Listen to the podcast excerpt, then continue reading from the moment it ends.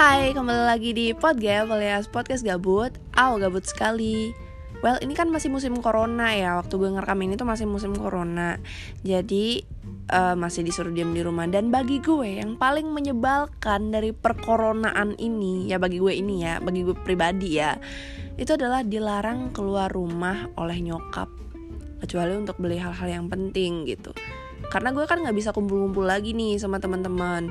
Kan dan sebagai ekstrovert yang dapat energi dari berkumpul dengan orang lain nggak dapat gue tuh nggak bisa dapat cukup energi cuman melalui interaksi online gitu. Nggak bisa. Jadi gue tuh rentan banget stres akhir-akhir ini. Terus selama masa di rumah aja ini gue nggak menemui siapa pun ya selain keluarga gue of course karena gue di rumah terus dan mereka juga di rumah terus jadi ketemu dia lagi dia lagi gitu. Maksudnya bapak gue lagi mak gue lagi adik-adik gue lagi gitu kan. Jadi gue tuh nggak punya orang buat diomongin. Buat diomongin penting banget fungsi orang ya. Buat diomongin gue gak punya orang buat diomongin selain keluarga gue. Jadi kali ini gue mau ngomongin tentang keluarga gue tapi kayaknya tentang orang tua aja deh dulu. Soalnya kalau bahas satu keluarga sampai adik-adik gue juga terlalu banyak. Dan gue bukan tipe orang yang suka bikin podcast lebih dari 30 menit. Gitu. Ngomongin keluarga ngomongin orang tua ya wah jalur apa neraka jalur prestasi banget ya ngegibahin orang tua sendiri. Tapi ini nggak apa-apa sih menurut gue inilah ngegibah in a good way ya. Maksudnya gue juga nggak nggak ngomongin yang macam-macam banget sih tentang mereka gitu. Uh, oke okay, yang pertama itu gue tuh pengen ngomongin soal keanehan orang tua. Kalian nyadar nggak sih orang tua tuh kalian tuh sering banget aneh gitu? Kayak orang tua tuh aneh aja gitu aneh banget gitu. Mereka tuh ingin kita tumbuh jadi orang baik. Tapi saat kita berbuat kebaikan mereka tuh justru khawatir gitu. Khawatir kita tuh goblok gitu. Ngerti gak? khawatir kita tuh dibego-begoin. Mereka selalu ngerasa kita dibego-begoin saat kita berbuat baik. Padahal mereka ingin anaknya menjadi orang yang baik gitu. Aneh sih. Terutama emak gue. Gue tuh nggak nggak ngerti ya sumpah dia tuh paradoks. Nggak nggak ngerti lagi. Di mata emak gue usia gue tuh nggak jelas. Kadang emak gue suka ngomong kan kamu tuh udah gede masa gini aja nggak ngerti? Kamu tuh udah gede harusnya sih udah kayak gini udah kayak gitu terlala lili gitu. Dan di saat yang sama dengan umur gue yang sama dia bilang kamu tuh masih kecil jangan pacaran dulu ini bener ya gue pas umur gue gue 20 tahun. Gue 20 tahun. Di ulang tahun gue yang ke 20 waktu teman-teman gue udah pulang nih ke rumah masing-masing dari rumah gue emak gue ngomong ke gue kayak gitu sebelum tidur kamu masih kecil jangan pacaran dulu. Sorry maksudnya gimana ya? Teman-teman gue udah nikah gitu. Maksudnya temen gue ada yang udah nikah. Yang semua bukan berarti gue pengen nikah cepat enggak. Cuman gimana ya temen gue lagi masa-masa mereka tuh menjalin hubungan asmara lah gitu. Terus ya begitulah kehidupan ya masih masih remaja ya remaja belum belum dewasa dewasa banget gitu. Tapi mak gue ngelarang gue pacaran. Maksud gue kan ya nggak usah dilarang lah gitu. Kalau misalnya emang ada yang pas gitu kecantol kan nggak apa-apa gitu. Tapi bukan berarti gue nggak suka dilarang karena gue pengen pacaran cepet atau dapat jodoh cepet atau nikah cepet itu enggak bukan kayak gitu. Cuman ya kalau ada ya bagus kalau enggak ya nggak apa-apa udah gitu cukup gitu. Nggak usah dilarang. Nggak ngerti gue gue umur 20 tahun. Mak gue ngelarang gue pakai celana pendek kalau keluarnya nggak sama keluarga. Lu bayangin umur 20 tahun aduh kalau misalnya masih SMA gitu dilarang-larang kayak gitu sih nggak apa-apa ya. Ini udah 20 tahun masih dilarang-larang seperti itu gitu. Tapi kadang emak gue nggak nggak nggak sengelarang itu ya. Cuman ya beberapa hal-hal yang terlalu sensitif bagi dia aja yang dilarang ke gue gitu. Karena soalnya uh, emak gue sering bilang gue tuh otaknya nggak ada saringan gitu. Jadi ada beberapa hal yang gue lakuin aja gitu. Gue nggak terlalu mikir ah ini dampaknya gini gini sedangkan mama gue kan orangnya yang mendetail gitu. Jadi dia tuh mungkin mikirnya lebih panjang gitu. Makanya ngelarangnya kayak gitu. Terus paradoks yang kedua tuh uh, dia sering banget nyuruh gue untuk jangan ngurusin yang nggak penting-penting. Beberapa hari lalu ada yang body shaming ke gue dengan bilang waktu gue upload foto pakai baju kebaya itu ya ada yang komen lu nggak punya pinggang. Padahal ya ini seriusan ini korsetnya yang jelek. Gue bukan nyari pembelaan bla bla Enggak gue punya pinggang. Cuman korset gue yang jelek. Gue yang gue nggak ngerti adalah orang lain cewek-cewek lain. Kalau pakai kebaya pakai korset itu badannya bagus. Ini gue kenapa korset gue malah bikin badan gue bentuk persegi padahal gue ada bentuk bentukannya tuh ada gitu ya iyalah ada bentuk. Maksud gue maksudnya ya ngerti lah kalian. Maksudnya bentukannya nggak nggak persegi gitu. Tapi korsetnya malah bikin bentukan gue persegi gitu. Itu gue sedih banget tuh waktu dikatain gak punya pinggang disuruh olahraga lah bla bla bla gitu. Sedih lah gue kan gue sempet ngechat mama gue yang notabene ada di kamar sebelah gitu kan. Nanya apa iya ya? Aku jelek banget. Terus mama gue bilang nggak usah dengerin orang yang suka body shaming. Pikirin aja yang penting-penting padahal selama ini dia sendiri yang suka bilang gue gendut. Eh Dika kamu gendutan. Eh Dika luluran gih kamu kucel banget gitu. Pokoknya emak gue adalah orang yang paling sering ngata-ngatain bentukan gue fisik gue itu. Padahal dia sendiri nyuruh jangan mikirin orang yang sih. Apa gue perlu nggak usah dengerin lu ha? Sorry sorry. Kalau mama kalau denger aku minta maaf. Terus mama gue tuh nggak ngerti ya. Gue tuh nggak ngerti dia tuh open minded tapi dia juga close minded di saat yang bersamaan gitu. Dia juga suka ngelarang-larang gue uh, hal-hal tertentu tapi yang maksud maksud gue orang orang lain tuh pasti biasanya yang ngelarang anaknya untuk melakukan hal ini ini ini ini. Tapi emak gue nggak ngelarang cuman uh, ada beberapa hal yang seharusnya udah nggak dilarang ya di usia gue gitu. Udah umur 20 tahun nggak dilarang tapi dia masih suka larang-larang. Padahal waktu SMA dia tuh nggak pernah ngelarang-larang hal-hal yang gue lakukan di umur yang di umur gue yang ke 20 tahun contoh tuh tadi pakai celana pendek itu dia dia agak kurang serk kalau misalnya gue keluar rumah itu pakai celana pendek kalau nggak sama dia atau kalau nggak sama si temen gue yang udah sering-sering ke rumah itu. Uh, kalau jadi kalau misalnya keluar sama orang baru gitu nggak boleh pakai celana pendek.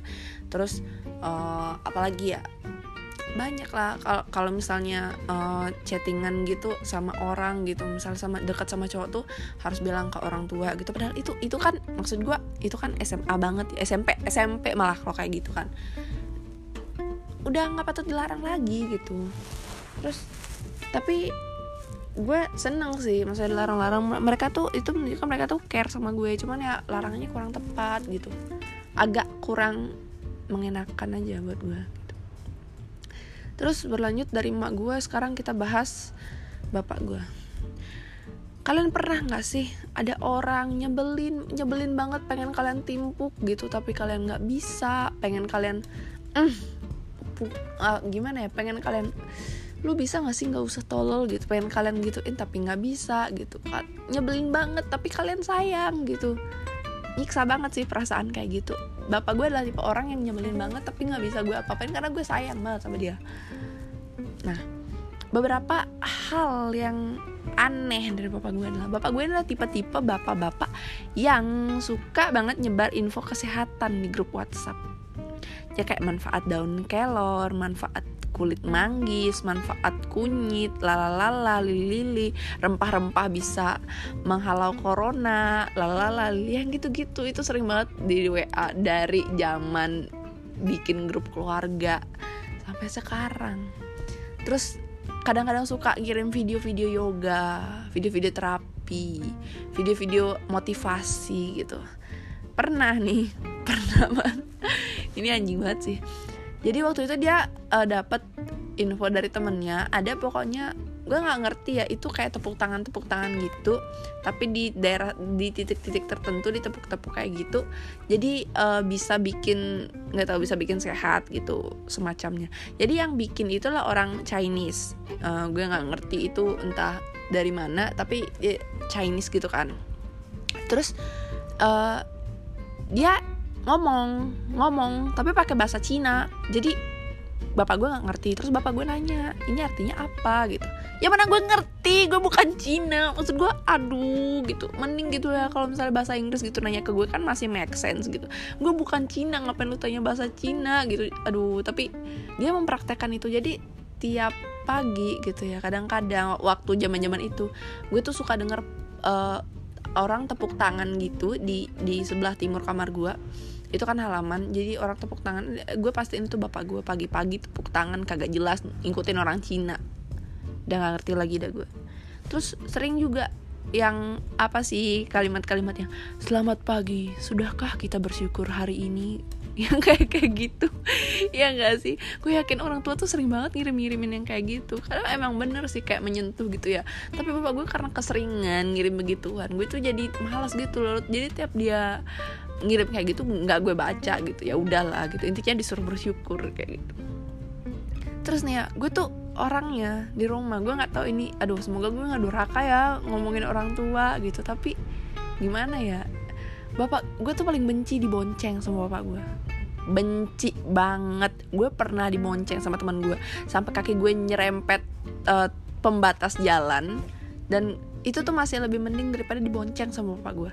Soalnya masalahnya gini mm, motor di semua motor di rumah gue itu nggak ada yang dimodifikasi. Semuanya motor normal gitu. Kayak dari beli sampai sekarang tuh masih tetap kayak gitu. Cuman mungkin agak ta uh, tambah agak buluk doang gitu. Jadi spionnya tuh masih dua gitu kan. Masih normal semuanya gitu bapak gue kalau gue ajakin naik motor itu dari pinggir jalan mau ke tengah jalan. Dia itu dari kan biasanya nih kita nepi nih samping trotoar gitu kan. Ini mau ke tengah jalan nih ceritanya. Dia itu nggak lihat spion. Dia nengok ada pengemudi atau enggak itu dia ngelihatnya pakai mata langsung ke belakang. Jadi noleh pakai kepala lehernya tuh nengok gitu ke belakang dia ngelihat situasi ada motor atau enggak yang lewat supaya kita tuh aman majunya apa enggak. Masalahnya ada atau enggak ada motornya lewat dia tuh ngelihatnya sambil ngegas. Jadi dia percuma aja ngeliat gitu mending ngegas aja langsung gitu. Soalnya ada walaupun ada motor lewat dia tetap ngegas gitu. Gue nggak ngerti leher sama tangan itu sama-sama jalan. Harusnya kan kita diam dulu ngeliat situasi. Kalau nggak ada motor baru ngegas ini ada motor digas juga. Dia jadi dia sambil ngeliat ke belakang sambil ngegas jadi dia nggak lihat apa-apa di depan gitu. Itu kalau lu dibonceng sama orang kayak gitu gimana lu nggak stres? Aduh gue makanya setiap dibonceng sama bapak gue gue selalu berdoa semoga perjalanan ini terasa cepat dan aku tetap selamat soalnya emang aduh apalagi kalau di tikungan. Bapak gue tuh kayak pembalap kayak Valentino Rossi. Miring motornya ngeng gitu. Biasanya kalau gue minta dibonceng sama bapak gue itu kan buat membanten ya. Membanten tuh kayak oh, kalau orang Bali bawa sesajen kalian nyebutnya sesajen tapi kami nyebutnya Banten gitu ya. Bawa Banten gitu seret gitu kan. Itu kan berat ya. Terus sekarang pakai kayak Valentino Rossi miring-miring gitu. Untung nggak jatuh tuh kalau jatuh udah jatuh terus gue nya deg-degan terus emak di rumah pasti marah-marah karena harus bikin lagi ulang ya kan?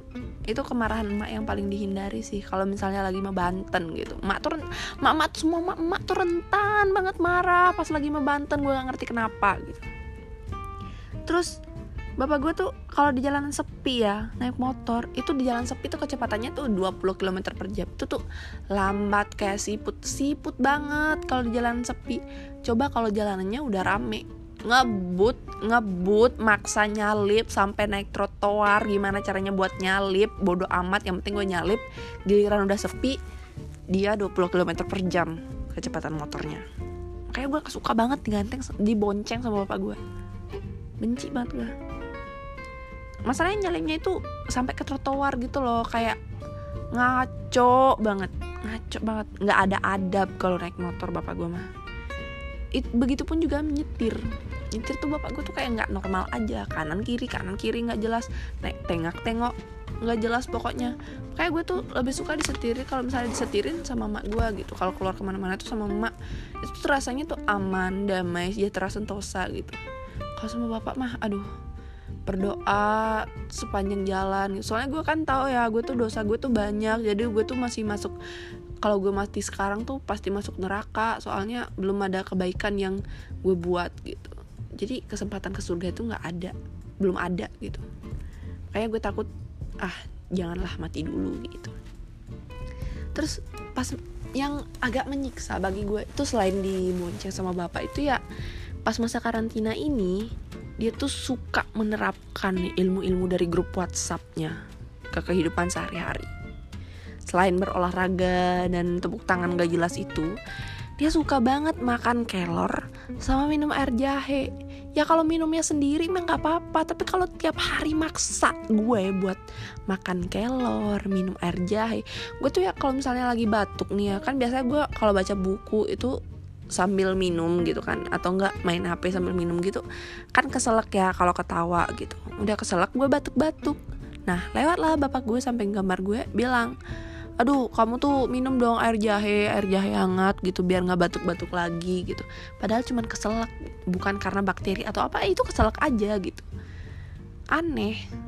Tapi gue tiap sakit selalu dibikinin air jahe. Gue nggak ngerti air jahe itu obat segala penyakit kayaknya di mata bapak gue minum rebusan air kulit manggis lah apalah gitu. Tapi yang paling seringnya emang makan daun kelor. Sampai dia tuh nanam kelor di rumah. Lu bayangin nanam kelor di rumah. Itu daunnya dipetikin habis itu dimakan gitu direbus kan dimakan gitu. Kadang-kadang kalau misalnya dia masak tuh kayak gitu. Pernah gue nge, nge ngefotoin masakan bapak gue ke temen gue si Nobita. Dibilang mutahan anjing bangsat. Dibilang dibilang mutahan anjing kayak ada rumput-rumputnya. Anjing ya ampun. Kasihan bapak gue. Tapi emang setelah gue lihat-lihat iya ya gitu. Tiap bapak gue masak tuh emang kayak mutahan kalau masak sayur masakannya selalu isi sayur. Dia masak mie bumbunya dibuang mie nya dimakan diisiin sayur diisiin kayak bawang terus bawang putih gitu kan. Biasalah gitu diisiin kecap tapi bumbu mie nya dibuang terus tambahin sayur.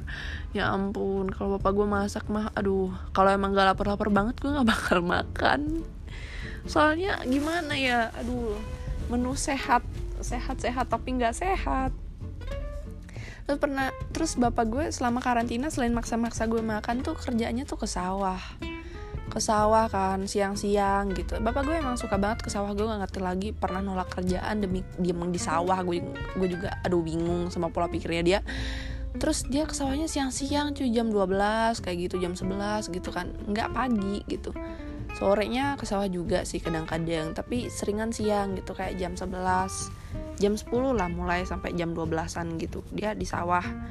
Terus akhir-akhir ini dia, dia sering banget protes kalau kenapa ya bapak hitam banget? gitu. Ya lu main di sawah siang-siang nggak pakai sunscreen nggak pakai apa-apa.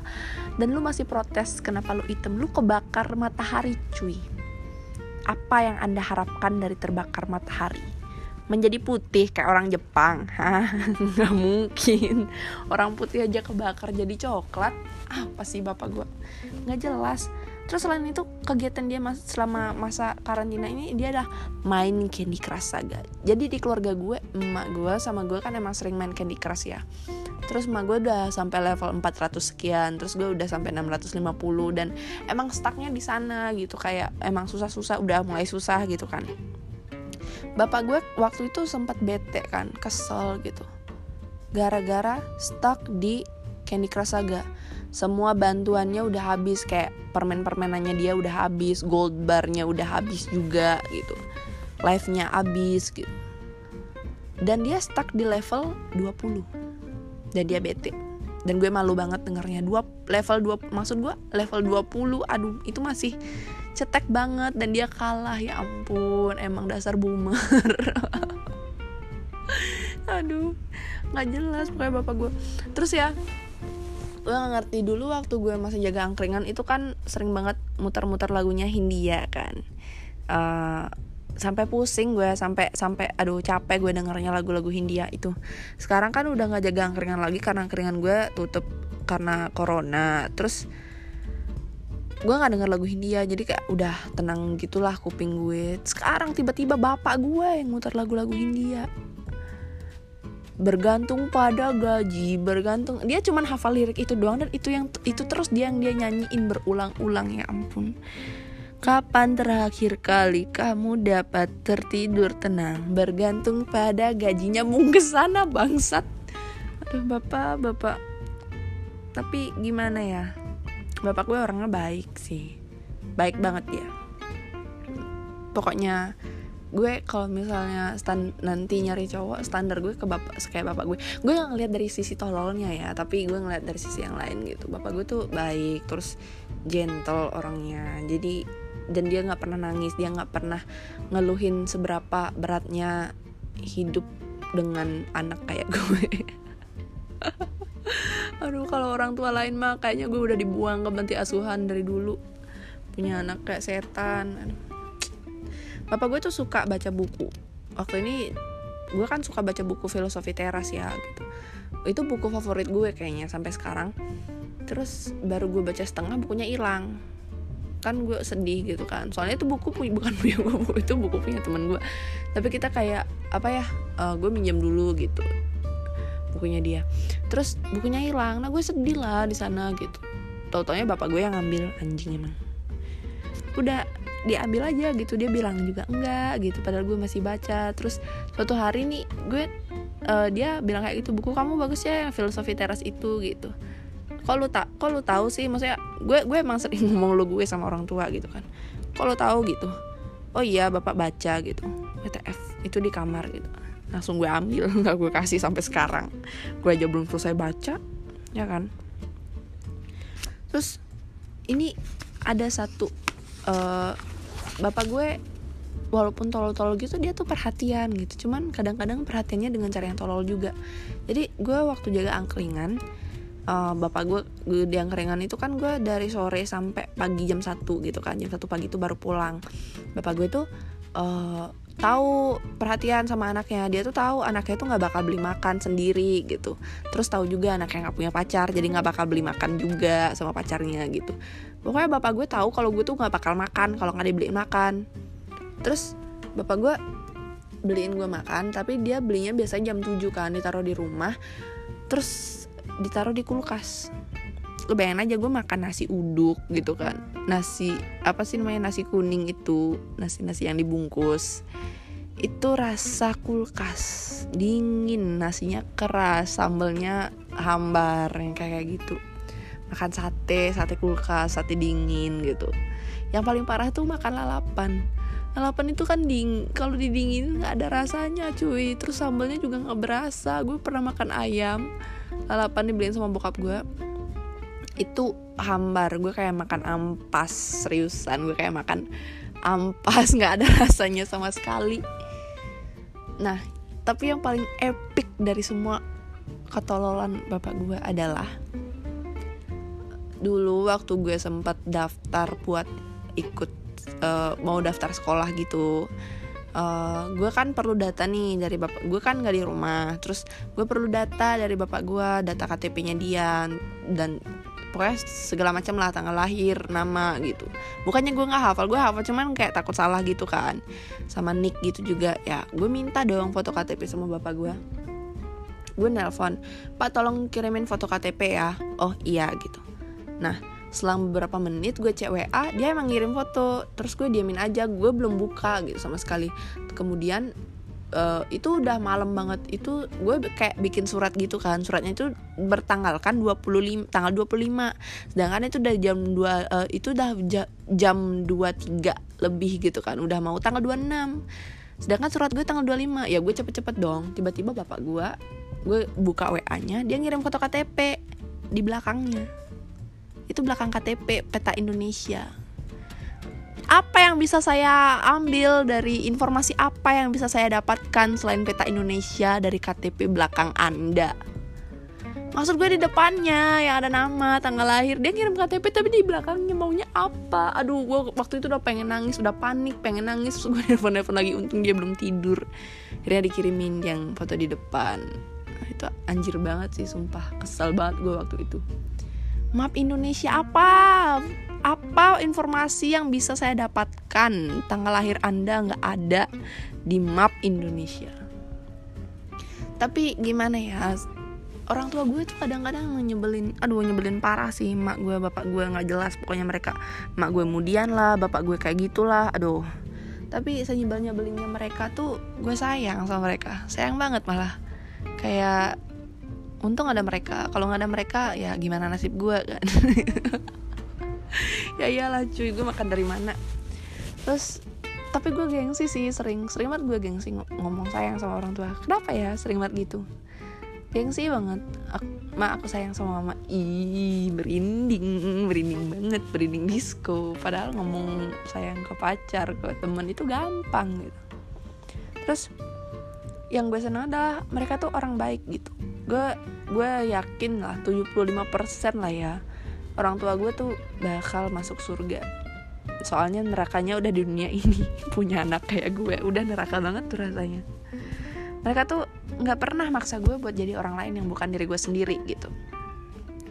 Mereka eh, nggak uh, maksa. Mereka tuh ngasih gue kebebasan untuk jadi apa yang gue mau gitu. Dan ngasih gue kebebasan untuk bereksplorasi di hidup gue kayak mikir uh, ya udahlah ini hidup kamu gitu kamu jalani sendiri gitu. Kami di sini cuma bimbing kamu aja gitu. Kalau kamu salah kami tegor gitu. Tapi selama hal itu nggak negatif ya nggak apa-apa gitu.